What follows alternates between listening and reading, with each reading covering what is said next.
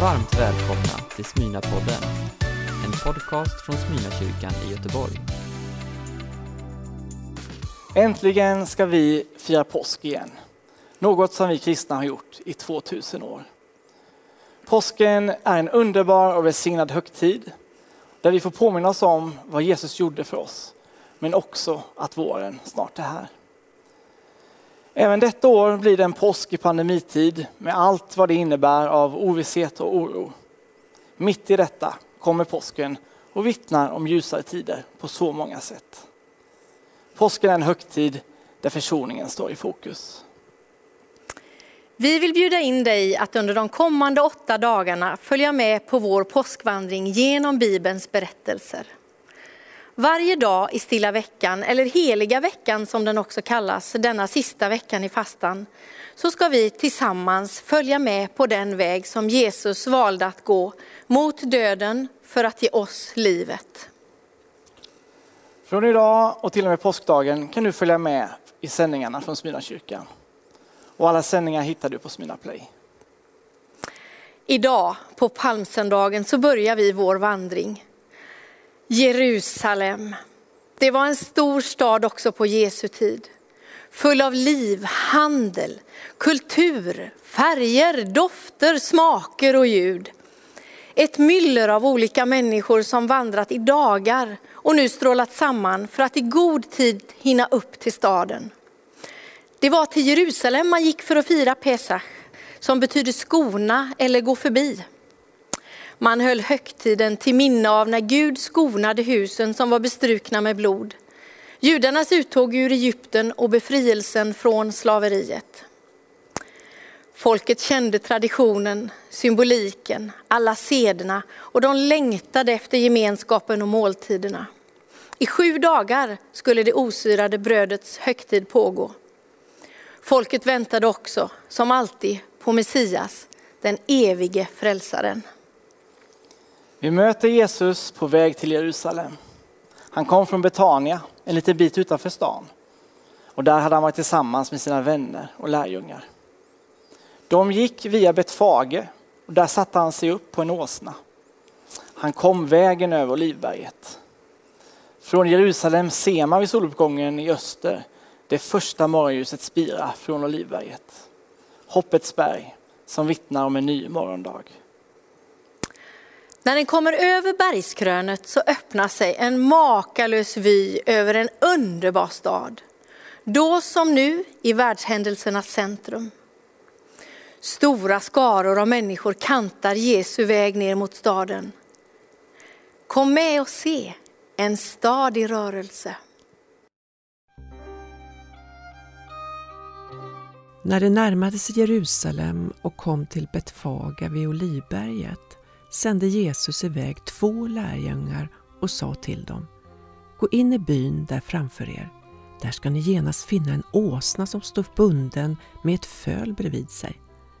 Ta loss dem och led dem till mig. Om någon säger något till er så ska ni svara Herren behöver dem och han ska strax skicka iväg dem. Detta hände för att det som var sagt genom profeten skulle uppfyllas. Säg till dottern Sion, se din kung kommer till dig, ödmjuk och ridande på en åsna, på en arbetsåsnas föl. Lärjungarna gav sig iväg och gjorde som Jesus hade befallt dem. De hämtade åsnan och fölet och la sina mantlar på den och han satt upp den stora folkmassan bredde ut sina mantlar på vägen och andra skar kvistar från träden och strödde på vägen. Och folket, både det som gick före honom och det som följde efter, de ropade Hosianna, Davids son. Välsignad är han som kommer i Herrens namn. Hosianna i höjden. När han drog in i Jerusalem kom hela staden i rörelse och man frågade Vem är han? Folket svarade Det är profeten Jesus från Nasaret i Galileen. När Jesus kom närmare och såg staden grät han över den. Och han sa, tänk om du idag hade förstått, också du, vad som ger dig frid. Men nu är det dolt för dina ögon. Dagar ska drabba dig då dina fiender bygger en belägringsvall runt dig och omringar och pressar dig från alla håll. Det ska slå dig och dina barn i dig till marken och inte lämna sten på sten i dig.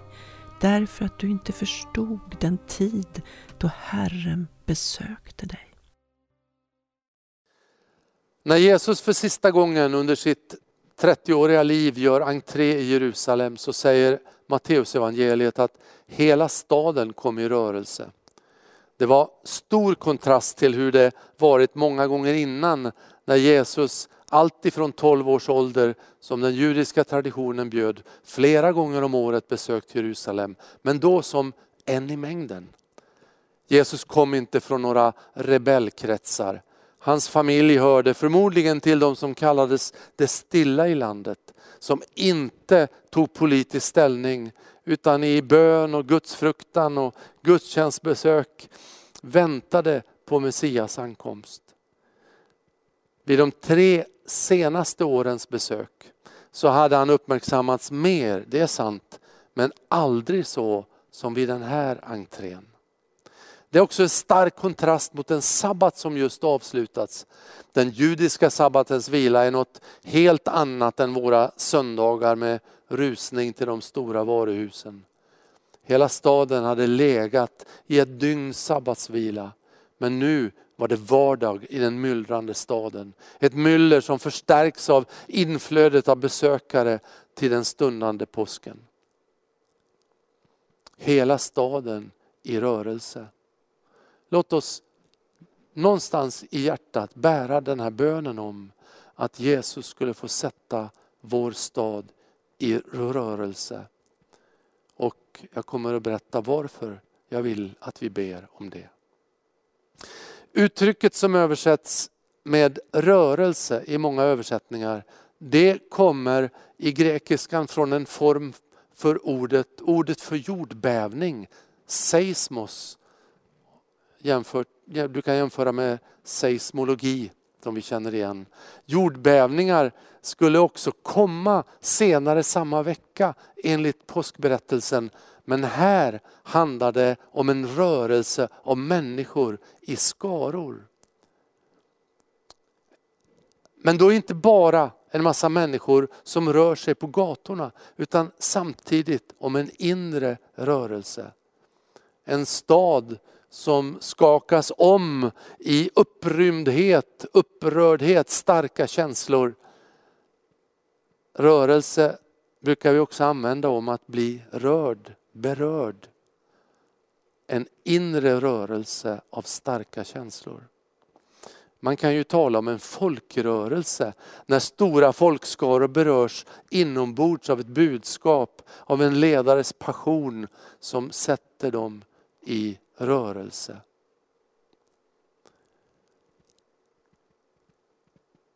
En jordbävning av glädje Ja, så skulle jag nästan vilja kalla det som nu börjar att utveckla sig när Jesus rider in i Jerusalem.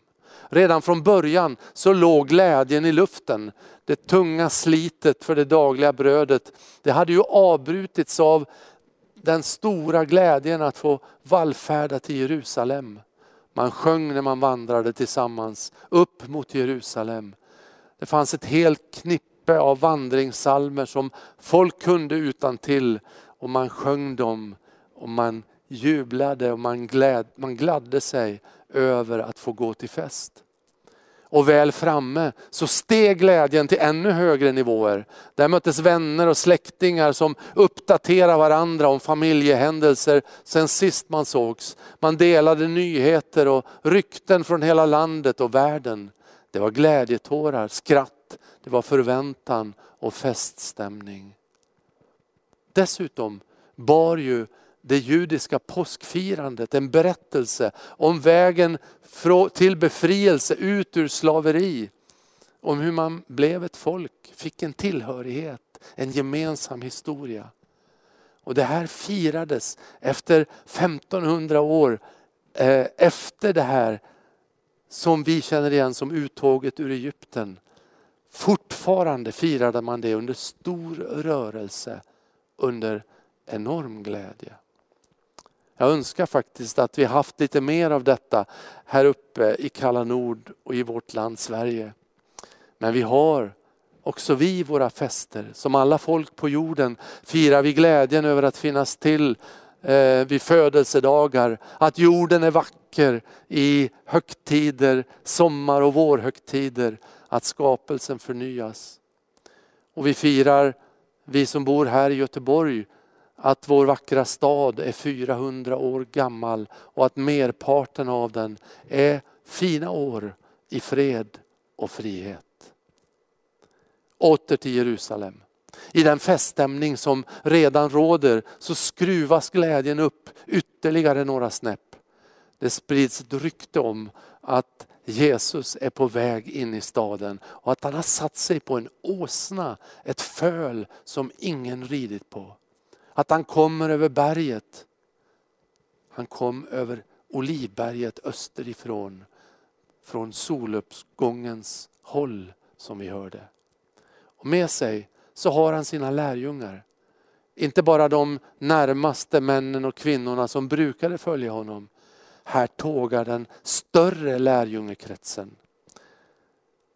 Lukas säger att det var det, alltså lärjungarna som började att ropa och jubla. För alla bar de på en berättelse om hur mannen där på åsneryggen rört vid deras liv.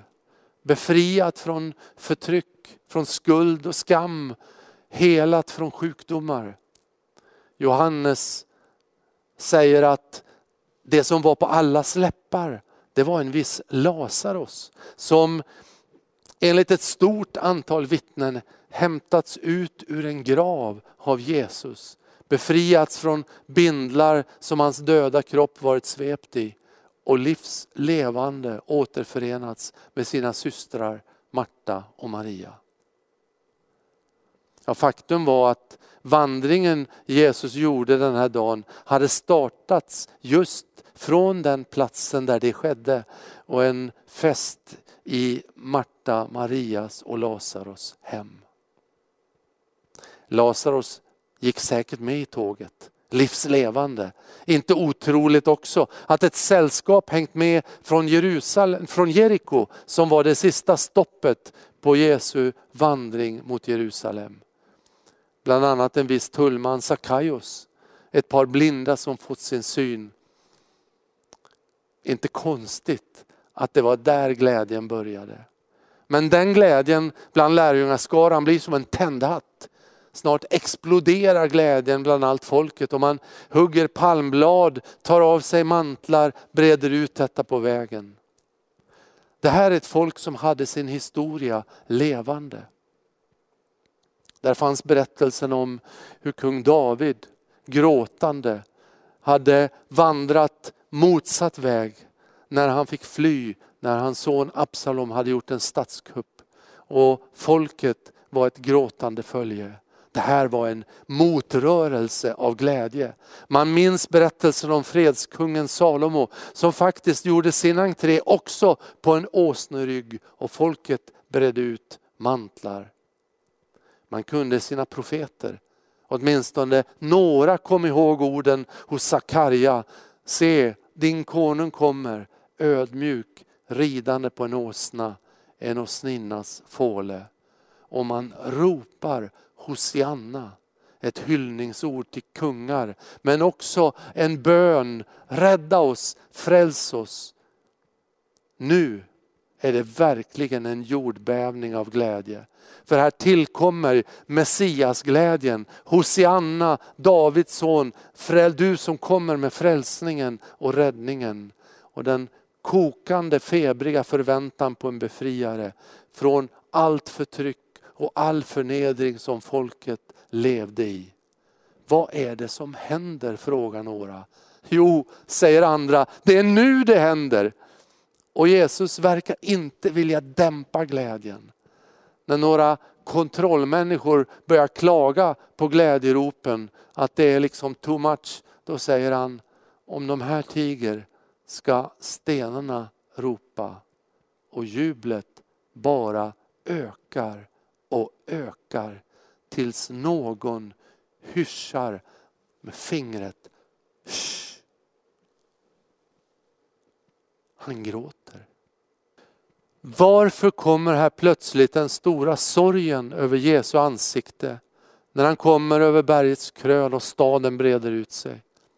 Varför går en skälvning av sorg genom Jesu varelse och fortplantar sig ut bland folket, ja ut liksom i hela mänskligheten. Ja, Jesus sörjer inte över sig själv och sitt eget öde. Det är en rörelse av empati, medkännande. Den enda som berättar om Jesu plötsliga tårar, det är läkaren Lukas, författaren till Lukas evangeliet. Det finns ju fyra berättelser om Jesus i Nya Testamentet och varje berättelse har sin särart. Och Jesus lyfter lite extra fram människan Jesus.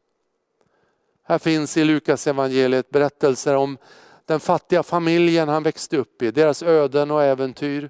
Här finns Jesu barndom, uppväxt, eh, en del eh, små inblickar i det. Berättelsen om människor han möter är också ofta mer detaljerade. Vi kommer både människan Jesus mer in på livet men också medmänniskorna runt Jesus. Och hans hjärta för dem, hans empati. Nu ska det sägas att även om Lukas betonar den här sidan lite extra så målar alla evangelierna samma bild av en medkännande, empatisk Jesus. I Johannes evangeliet så gråter han vid sin väns grav med, tillsammans med hans syster. Metodistmissionären Stanley Jones som verkade i Indien skriver Three words were constantly upon Jesus lips. The least, the last and the lost. Tre ord fanns konstant på Jesu läppar. Det minsta, det sista och det förlorade. Jesus kom från Betania eh, på den här vandringen. Det kan översättas en plats av sorg eller sorgens hus. Hemmet han övernattade i var tre föräldralösa syskons. Marta, Maria och Lazarus. Det var spetälskan eller lepran som tog deras far, förmodligen också deras mor. Och innan det stora undret med Lazarus skedde så står alltså Jesus där och gråter vid Lazarus grav. Jesu väg kantades alltid av fattiga som tiggde, sjuka som ropade på hjälp, tullindrivare som sålt sig till övermakten för att överleva och hamnat i utanförskap. Änkor som sörjde, föräldralösa, utstötta, spetälska. Jesus hade ett hjärta som rördes på ett oöverträffat sätt av alla dessa. Ett hjärta som förbarmade sig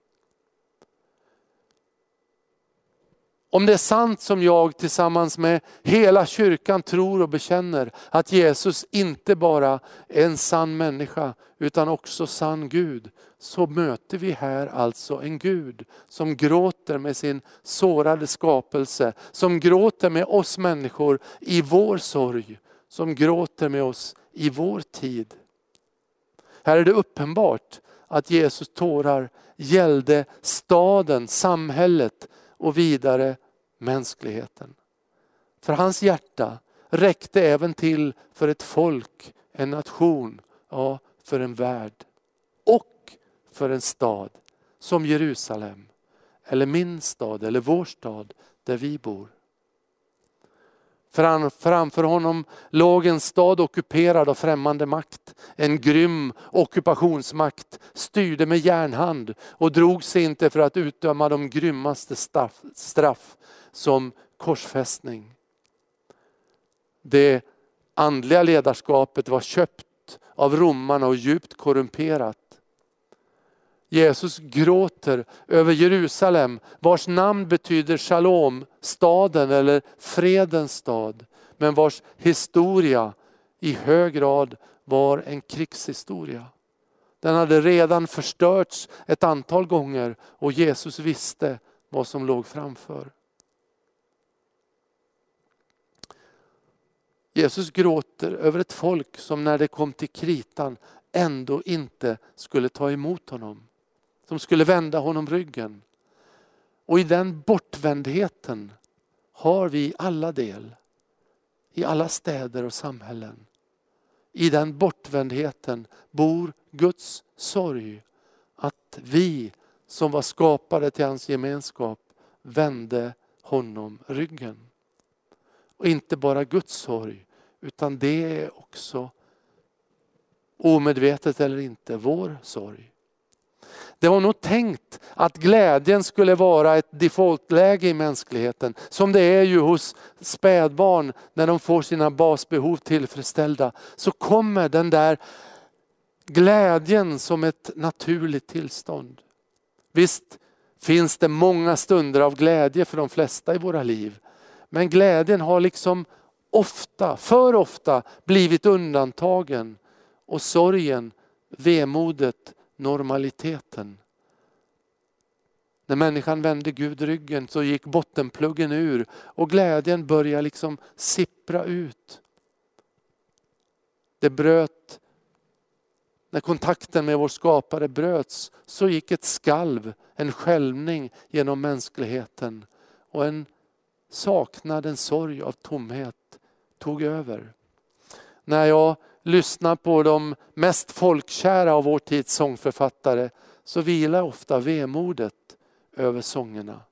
Bo Kasper, Lars Winnerbäck, Mikael Wiehe, Monica Törnell, Eva Dahlgren. Jag tittade på sista delen, finalen av den svenska slagerfestivalen, uttagningen och historikern Herman Lindqvist gjorde en rolig kavalkad över all smärta och sorg som fanns även i Melodifestivalens vinnande sångtexter genom historien. Först skrattade jag, men sen slog det mig så märkligt att de sånger som berör oss människor så ofta är sånger om sorg. Det gör ont att vara människa. Så också idag.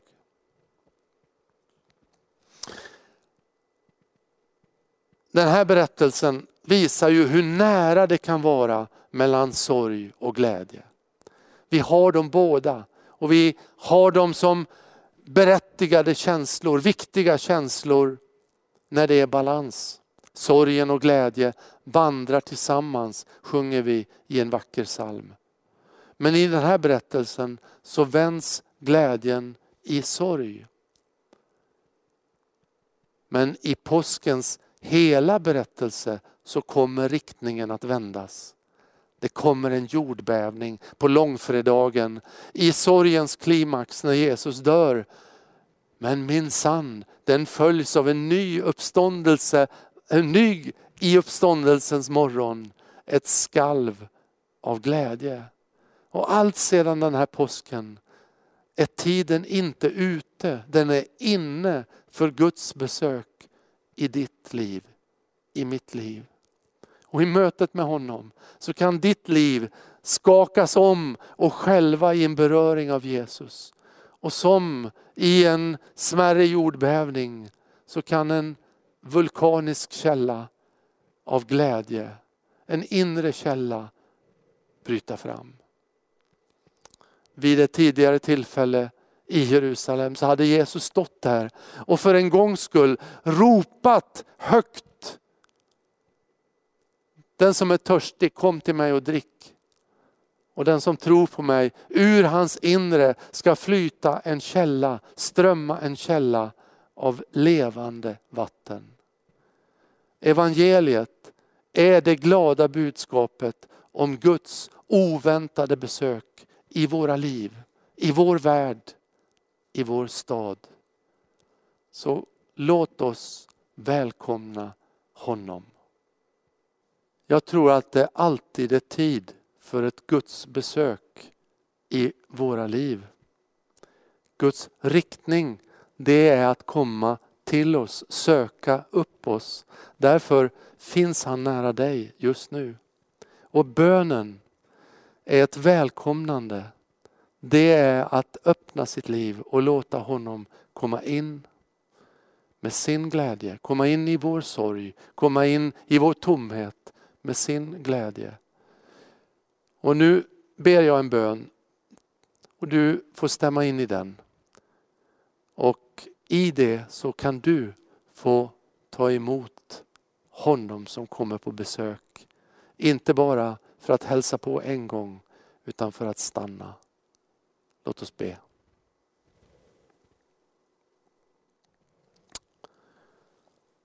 Jag tackar dig Gud att du kom i Jesus Kristus på besök in i vår värld.